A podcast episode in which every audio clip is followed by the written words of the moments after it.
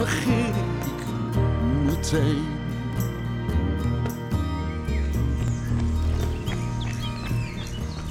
Dit is de podcast Morgen begin ik meteen, waarmee ik mannen wil inspireren fitter en gezonder te gaan leven. Voor de zekerheid, ik ben geen medicus, heb matig verstand van voeding, maar zette zelf een aantal jaar geleden de knop om en ik kan je verzekeren, dat is makkelijker dan je denkt en leuker. In deze podcast interview ik andere mannen over hoe zij dat deden. Ieder op zijn eigen manier tenslotte. Oh ja, ik ben Erik Jan Bolsjes. Ontzettend leuk dat je luistert. En eh, laat even een beoordeling achter in je podcast app.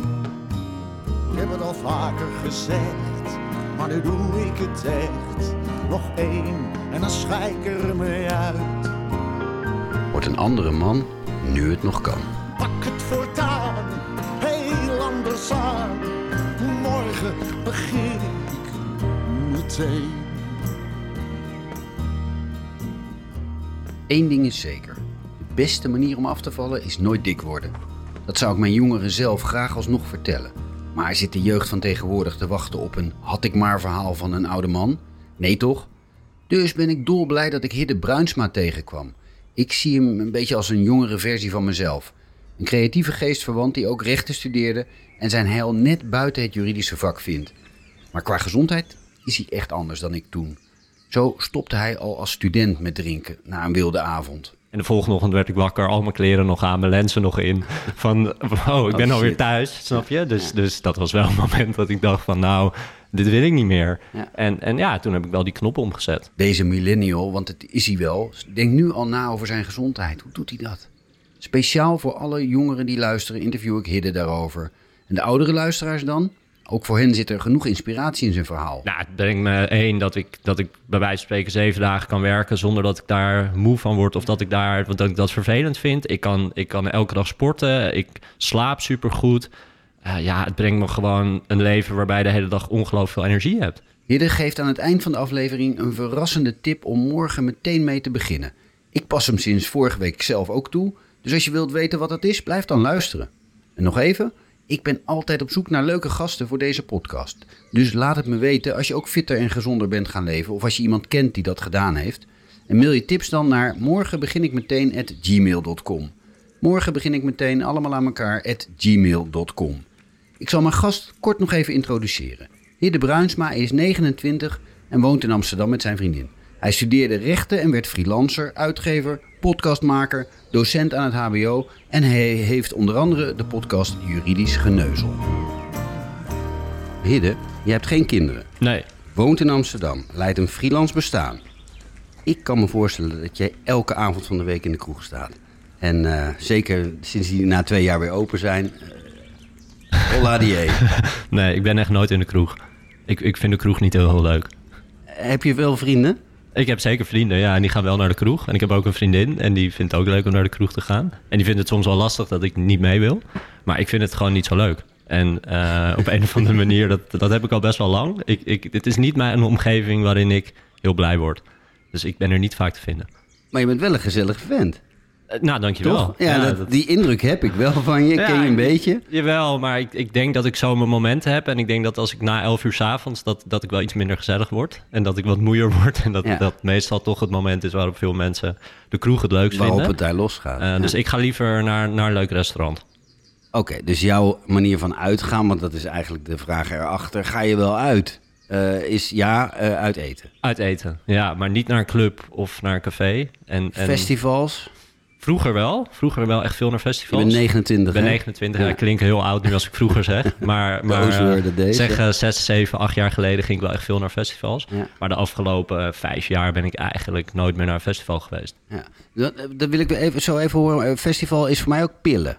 Dat heb ik nooit gedaan. Nee? Nee, dus, nee, dus in nee. die zin altijd wel een bepaalde maat, eh, matigheid Ja. daarin gehad. Ik ben best wel bang, denk ik, om de controle kwijt te raken. En ik had altijd wel het idee bij pillen of drugs van... dan raak je de controle kwijt. En dat wil ik niet. Oké, dat, Dat was een hele bewuste Ik keuze. herken dat Ja, overigens. En ja. ik ben... eh, Maar ge- ik stond heel vaak op festivals met, Ja. met groepen vrienden, twaalf vrienden. En dan zat iedereen aan de pillen. En dan was ik de enige die, die met mijn biertje stond. Ja. Eh, en dat, ja, dat was altijd wel grappig. Want mensen gingen allemaal knuffelen en zeggen dat, je van, ja, dat is van jou en zo. En dan op een Maar dat is het. Jij knuffelde niet terug. Dus op een gegeven moment eh, belden ze jou niet gegeven meer. moment belden ze niet meer. Dachten ze van die gozer, die, die knuffelt niet, die is niet zo gezellig. Dus die bellen we niet meer. Festivalletje. Nee, dit gaat niet door. Sorry. Nee, en dan, ja, in je eentje ga je ook niet zo snel. Dus eh, nee. dat is toen ja, gestopt. En, en stoppen met drinken op je 23ste. Ik, eh, even terug naar eh, opa die vertelt. Ik was op mijn negentiende, denk ik, eh, dat, ik dat ik helemaal het studentenleven ingedoken ben.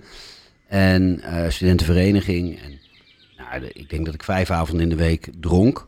En eh, drie avonden in de week te veel dronk, eh, een tijd lang. En eh, dat was niet gek, zeg maar. Ik was geen uitzondering. Ik was eerder nog, nog in de middenmaat, middenmoot, zeg maar. Ik was helemaal niet, niet de grootste drankenboer van, van het gezelschap.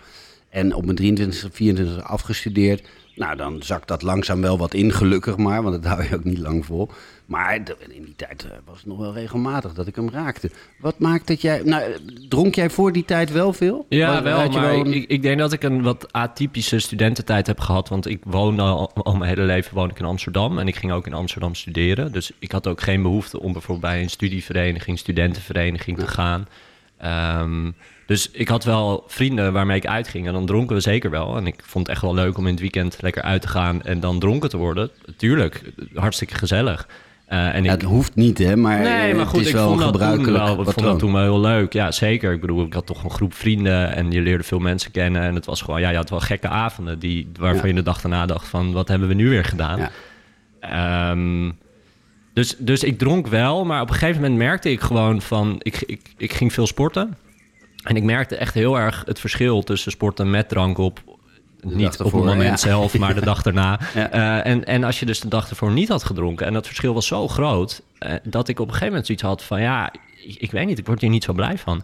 En voor mij was het moment dat ik echt besloot om te stoppen... was grappig genoeg toen ik in Japan was. Ik was met een studentenreis in Japan... en toen hebben we echt een week lang in Tokio heel veel gedronken. En op een gegeven moment dacht ik echt van... ik ben zo blij als ik thuis ben en dan niet meer hoef te drinken. Ja, want die druk van die groep was misschien toch ook wel groot? Of het was ja, zo ik weet niet of gebruikelijk? dat de druk was. Ik vond het ook gewoon leuk en Ja. ik vond het ook gewoon gezellig. En natuurlijk, als je met, met zeg tien gasten in Tokio eh, in een kroeg staat... en dan, ja, dan ga je ook niet nee zeggen op dat moment. Dus dan ga je ook gewoon mee in, in, in, ehm, ja, in die vibe. En ik vond dat wel heel leuk. Maar ik dacht op een gegeven moment wel van... pff, jeetje man, ik voel me echt niet fit. Ja. En ik, ik wil me gewoon fit voelen. En dat was ook... Ik had net ervoor besloten van... ik wil een marathon gaan lopen, een hele marathon... en ik wil hem ook snel lopen... Dus ja, dan moet je ook wel. En dan moet je ook bepaalde keuzes maken. Dan moet je dingen laten. En die Ja. keuzes heb ik gemaakt. Ja. En dat was dus op je 23e in Japan. Ja. Echt, er was echt een moment dat je je herinnert, nu stop Nou, er is een moment dat ik de laatste avond in Tokio... eh, toen gingen we daarna naar Kyoto. En daar kon je sowieso niet drinken. Want we zaten in een of ander gek hostel... wat om tien uur dicht ging. Dus je, ja, je kon wel drinken, maar dat had niet echt veel toegevoegde waarde. En de laatste avond in Tokio nou, was gewoon een bonte avond. En de volgende ochtend werd ik wakker. Al mijn kleren nog aan, mijn lenzen nog in. Van, oh, ik ben Oh, alweer thuis, snap je? Dus, dus dat was wel een moment dat ik dacht van... nou, dit wil ik niet meer. Ja. En, en ja, toen heb ik wel die knop omgezet. En dat was in het begin, toen ik terug was in Amsterdam, was dat, was dat moeilijk. En het, het is me in het begin niet altijd gelukt om nee te zeggen. Maar langzamerhand wel. En op, Wat was zo moeilijk? Nou, omdat je toch eh, wel meeging nog steeds met mensen. Want mensen vroegen je nog steeds mee. Want het was nog steeds van, hé, hey, we, gaan, we gaan naar dit feestje, ja. we gaan uit, ga je mee? En dan was het, ja, dan had je toch echt een groepsdruk. En dan was het heel moeilijk om altijd nee te zeggen. En in het begin heb ik echt nog wel een paar keer stevig gedronken. Ja. Maar het werd wel steeds minder.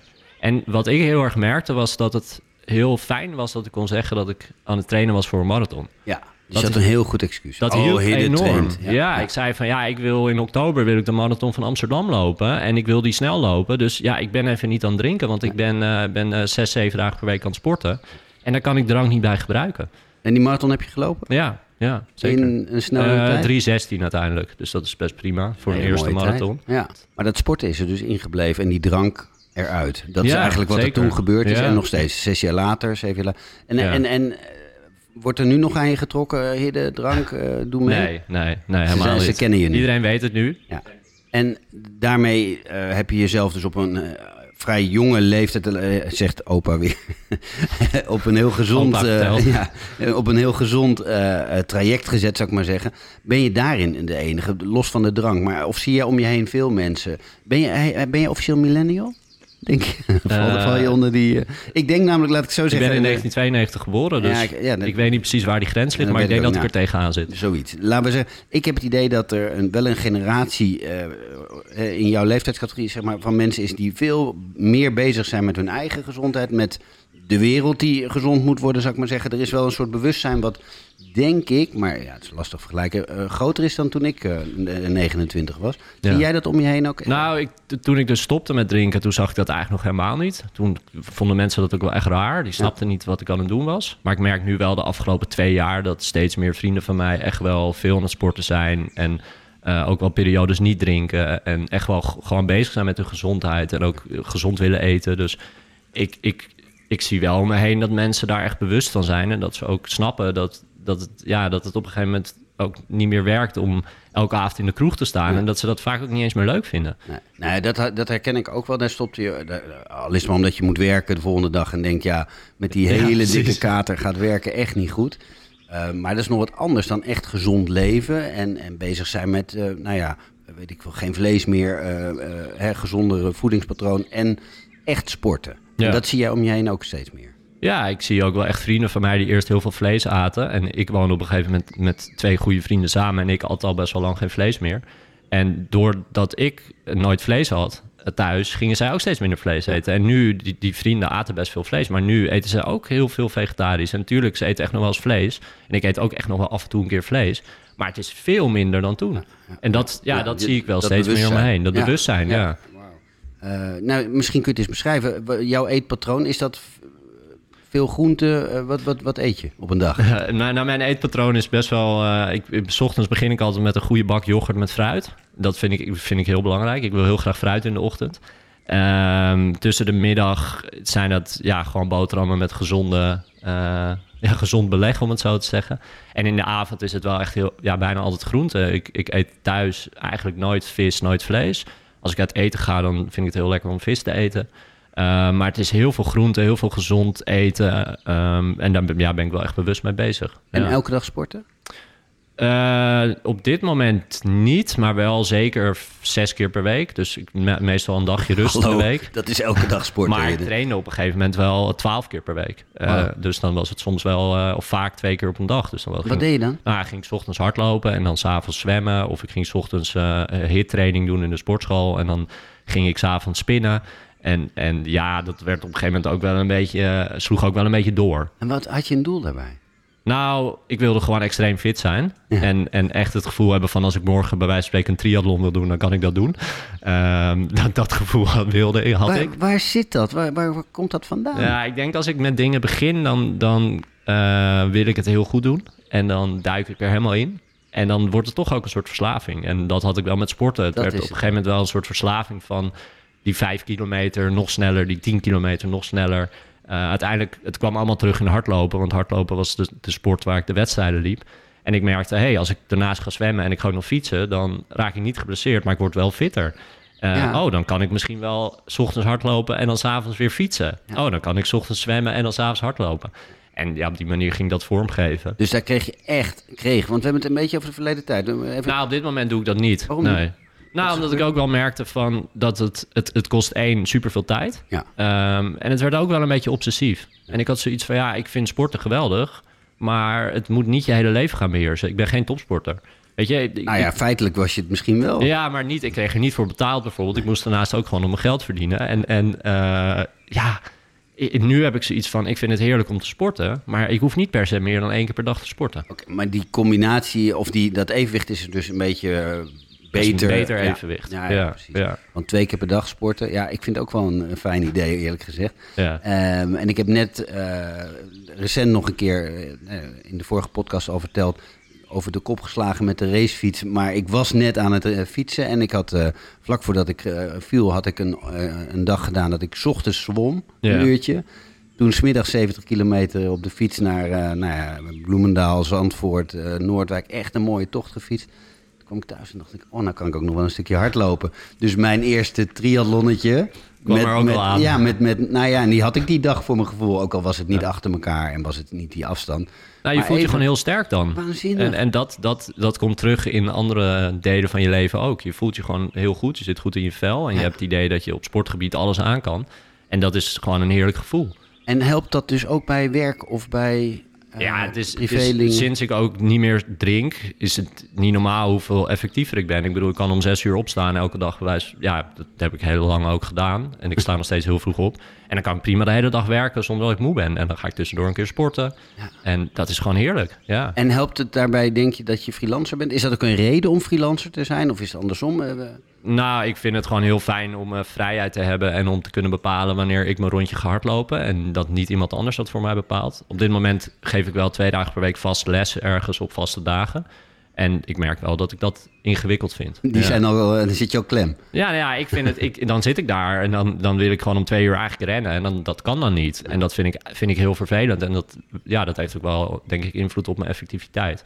Ik vind het gewoon heel lekker om tussen de middag even. Dat kan echt niet als je eh, les geeft. Nou ja, als je gewoon... le- nee, letterlijk als je les Nee, geeft. ja, niet natuurlijk, maar op zo'n Nee. werkdag kan dat niet eh, Nou ja, dat kan, maar dan moet je naar huis om te douchen, et cetera. Dat is gewoon allemaal niet zo handig. Dus wat ik wel vaak doe, is dat ik even een uur ga wandelen tussendoor. Want dat vind ik ook heerlijk. Ja. Dus ik, ik probeer elke dag zeker een uur te wandelen.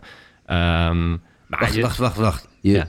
gaat hardlopen s ochtends vroeg. Ja, Dan wandel je nog eens een uur.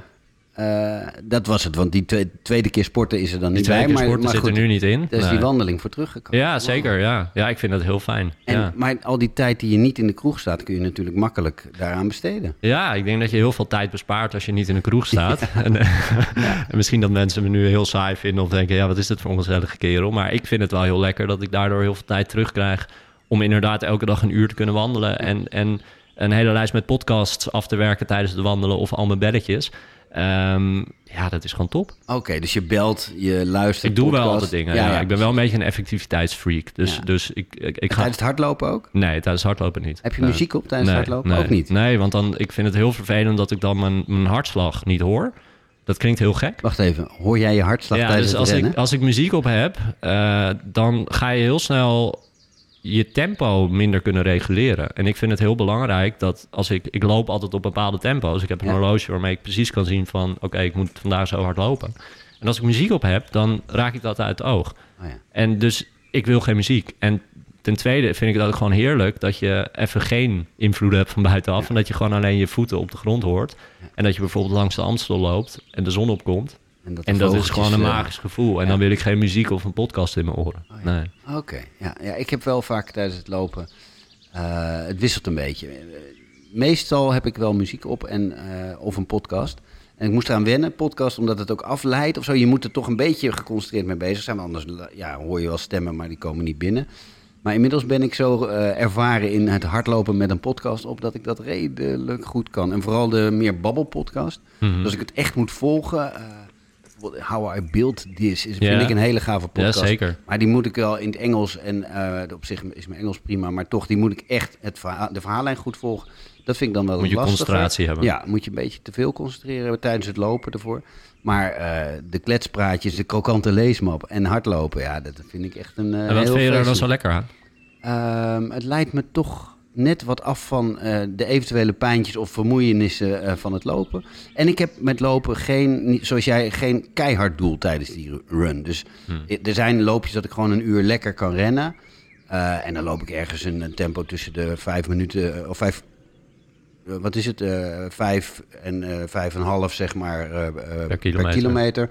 En ja, dan, dan maakt me dat niet zoveel uit. Dan wil ik gewoon lekker gelopen hebben en klaar. Dus dan, dan zit er geen doel achter. En dan vind ik het heerlijk ontspannen. Ja, dat en dan loop ik ook te Ja. gillen van het lachen soms tijdens het eh, rennen. Dat mensen echt die, die mij langs zien komen en denken, wat Die heeft die gast? Ja, ja, ja, dat is wel zeker zo. Ehm, even jouw sociale leven. We hebben het er al heel veel over gehad. Maar toch, je zei, ik ben een paar mensen kwijtgeraakt door niet meer te drinken. Letterlijk dat mensen zeiden, hidden, ciao. Of dat, dat appt zo'n beetje weg. Nou, dat appte gewoon weg. We, Ja. we, we hadden een vriendengroep met, ik denk, 10, 12 mensen. En met de ene ga je beter dan met de ander. En ik merkte gewoon op een gegeven moment van... Ik denk dat ik met acht of negen van die groep...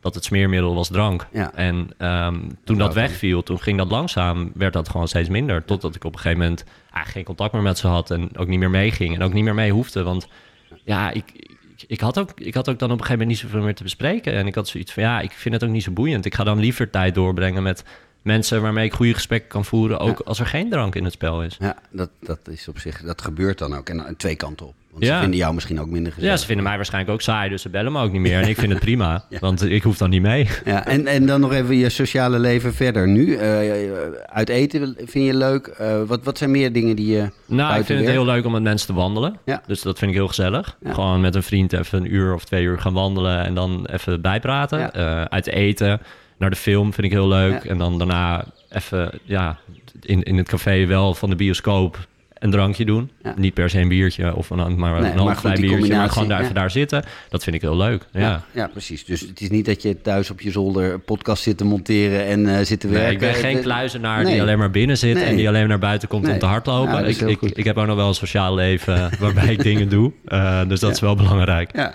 En, en, en eh, eh, dat, dat fittere leven dan... Nou, nou, fittere, dat slaat nergens op, want jij bent het eigenlijk altijd geweest. En dat maakt ook dat ik even dacht bij, eh, bij eh, het maken van een afspraak van... hey, eigenlijk ben jij helemaal niet zo'n voorbeeld voor de rest van de podcastluisteraars eh, tot nu toe. Want eh, ik richt me vooral op mensen die hun leven echt omgegooid hebben. Die gezegd hebben van nou, ik, nu is het klaar, zo kan het niet langer, zo blijf ik behangen. Zoals Huub van der Lubbe in het lied ook zingt, van eh, morgen begin ik meteen.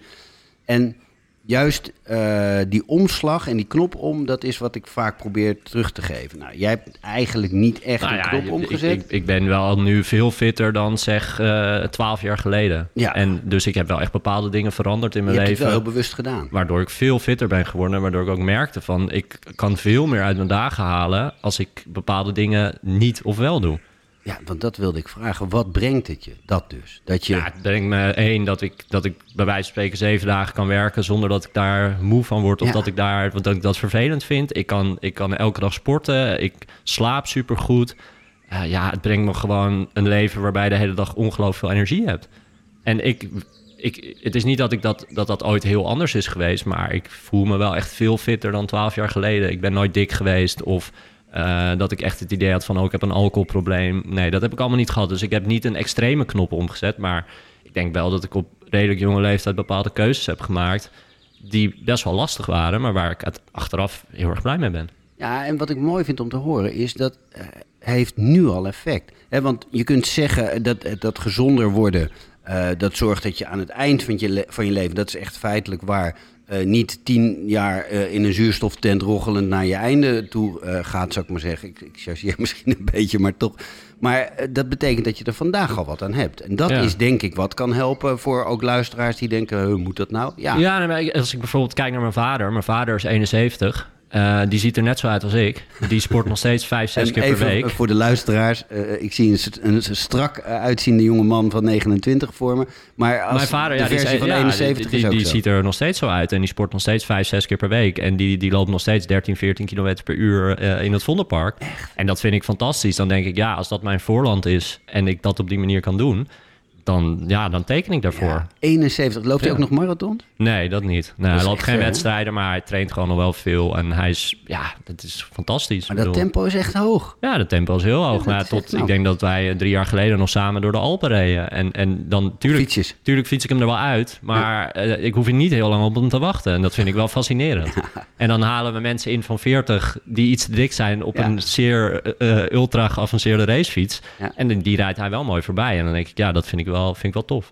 Dus in die zin is het je met eh paplepel of met eh Ja, gro- het zit wel in de familie. Ja. Met mijn oom, die heeft ook eh, de marathon een keer in eh, 2.28 gelopen. In, wat is het, 1994. Dus voordat we alle carbon schoentjes hadden. Ja. Zat hij al, werd hij al de beste Nederlander in Amsterdam. Wauw. Dus ja, het, het is wel iets wat van jongs af aan al in de familie zit. En dat, ja, ik denk wel dat dat meehelpt. Dan kan ik me voorstellen dat het inderdaad eh, op het moment dat je eh, in, een, in een omgeving zit waar iedereen wat eh, aan zijn gezondheid werkt en fit wil zijn, dan, dan doe je dat meer, ja, dan ga je daar meer in mee. Ik moet zeggen, ik heb met mijn kinderen ook wel eens die, die gesprekken daarover en zij vinden mij gek nu. Want, hoezo? Nou ja, omdat ik te veel sport en te veel beweeg en daar te, voor hun gevoel te veel mee bezig ben. Hè? Jonge pubers, ja, die hebben toch andere interesses. Al hockeyen en voetballen ze wel en zijn ze echt wel aan het sporten, maar niet zo vaak als ik. Maar ik hoop ergens dat dat wel blijft hangen en dat, dat, dat ze uiteindelijk zullen zeggen van, eh, nou ja, eh, heel extreem de ongezonde kant op dat wil ik niet. Nou, ik vond hardlopen eerst ook helemaal niet leuk. Want mijn vader wilde altijd met me hardlopen toen ik denk 15 was. Ja. En ik wilde altijd voetballen of ik wilde altijd tennissen. En ik, ik vond hardlopen helemaal niet boeiend. Maar Nee. op een gegeven moment ging ik toch met hem mee. En toen merkte ik de, de magie van, van het hardlopen. En dat zal niet iedereen hebben. Maar ik vond het wel heel leuk dat ik dat dan samen met mijn vader kon doen. Dus ik denk, als jij met jouw kinderen op een gegeven moment ook samen een rondje kan fietsen... of een stukje kan gaan hardlopen of kan gaan zwemmen... Ja. eh, d- dan denk ik wel dat je ze daarmee kan inspireren. En dat dat heel leuk is. Dat is heel nuttig om te weten. Wat was voor jou die magie van hardlopen? De, de magie van hardlopen is dat, dat ik toch in een andere wereld kom. En dat je eh, in een, ja, je leeft toch in een wereld waar alles heel snel gaat en waarbij je druk hebt, waar je veel moet doen. En op het moment dat ik aan het hardlopen ben, dan heb ik echt een rustmoment. En eh, helemaal als ik wat langere afstanden loop, zeg 20 kilometer, 25 kilometer langs de Amstel. Ja, dan is dat voor mij een soort meditatie. Ja, en dat vind ik magisch.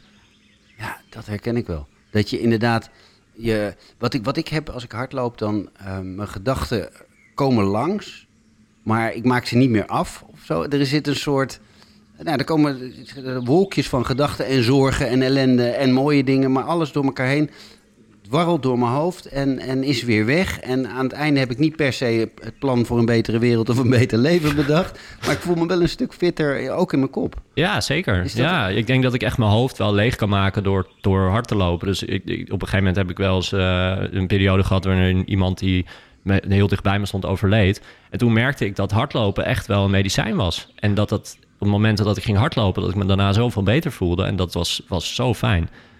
Dus ja, dat, dat zal niet voor iedereen zo zijn, maar voor mij is dat echt wel een magisch gevoel. Ik heb mijn beste hardloopmoment, misschien heb ik het al eens in de podcast verteld, maar ik ga het nog een keer zeggen. Mijn allerbeste loopje was een, eh, op een vrijdagmiddag, eh, waarin ik de hele dag eigenlijk een rotweek achter de rug had. En we moesten s'avonds nog ergens heen en had ik geen zin in. En het leven was behoorlijk kut die dag, die week. Eh, het leven is zwaar en eh, zo'n dag. En ik zou toch naar buiten. Ik had mezelf beloofd, ik ga een uurtje hardlopen. Toen heb ik, ik denk 10 kilometer in een uur gelopen. Dat is echt een tempo van een bejaarde. En ik kwam, ik ging na- naar buiten met een gevoel, met een rugzak van, ik weet niet hoe zwaar bij wijze van spreken mijn rug. En ik kwam terug en ik was vederlicht en ik had gelopen en ik was buiten geweest en ik had het gedaan. Dat is, eigenlijk vind ik dat nog steeds mijn beste hardloopmoment. Terwijl niet je nog, snelste moment niet is. mijn snelste, niet mijn verste, niet mijn mooiste. En maar in die zin, eh, de marathon van Amsterdam vorig jaar in 3,35. Wauw, weet je, dat was wat.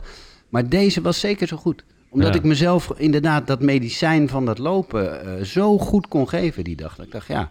En nu, eh, ik heb een arm in mitella, ik mag niet lopen. Ja, dat voel, dan voelt dat misschien ook eh, mentaal, voel je dat wel, denk ja, ik. mis Ja. het. Ja, dat snap ik heb er last Ja. van. En ik kan nu wel naar de sportschool. En de- ik heb gisteren ontdekt, ze hebben een machine. Machine, eh, zo'n apparaat, zo'n fitnessapparaat waarop je een trap hebt die Oh, constant ja. langskomt. Super gaaf. Dus ik ben Dus aan daar loop jij nu met je mitella, loop jij die trap op. Ja, helemaal tof. Dat moet er leuk uitzien. Ja, dat is best apart. En, en, en de fietsen daar, die zijn ook heel veilig. Daar hoef je geen helm op en die vallen ook niet om. Dus, eh, Je kan niet Kan- over de kop slaan in de ook- sportschool. Nou, als je dat doet, dat is ook wel weer leuk, maar dat heb ik nog niet geprobeerd.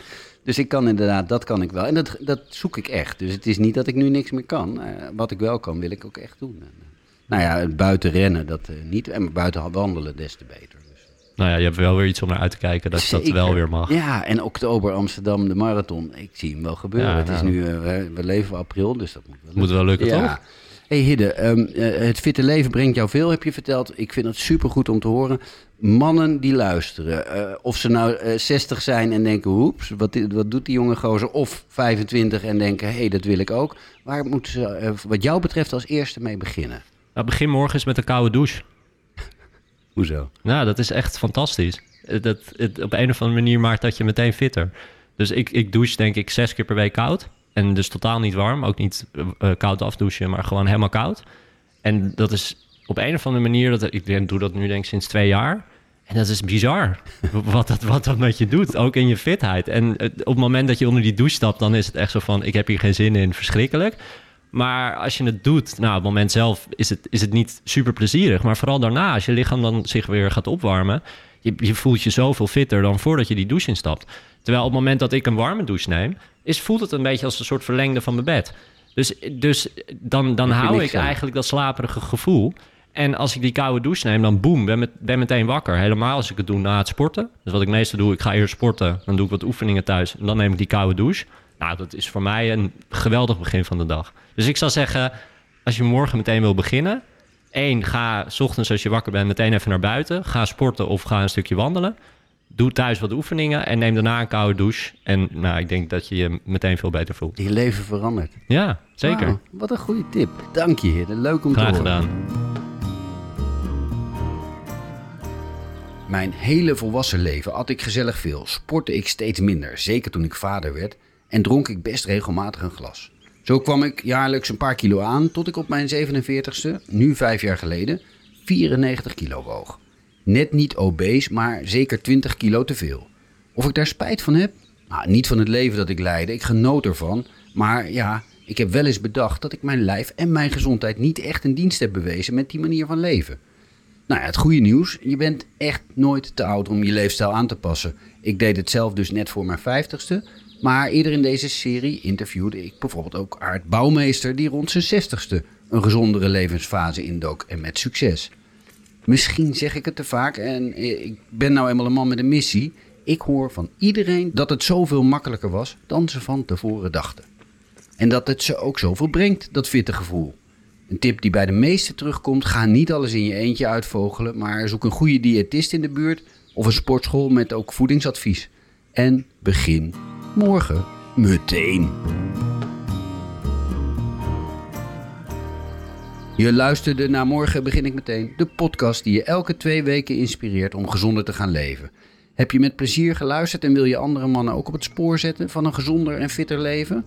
Abonneer je dan in je favoriete podcast-app en like de podcast, zodat andere mannen ook morgen meteen kunnen beginnen. Een recensie erbij schrijven is nog veel toffer. Over twee weken spreek ik Robert Graat, een Bourgondier, een hobbykok, die van de dokter te horen kreeg dat hij echt wat aan zijn leefstijl moest doen. Zelfs na die serieuze waarschuwing heeft hij er nog een tijdje goed over nagedacht voordat hij omging. Want wat moest hij daar allemaal voor opgeven? Ah, je raadt het al, dat viel reuze mee. Morgen begin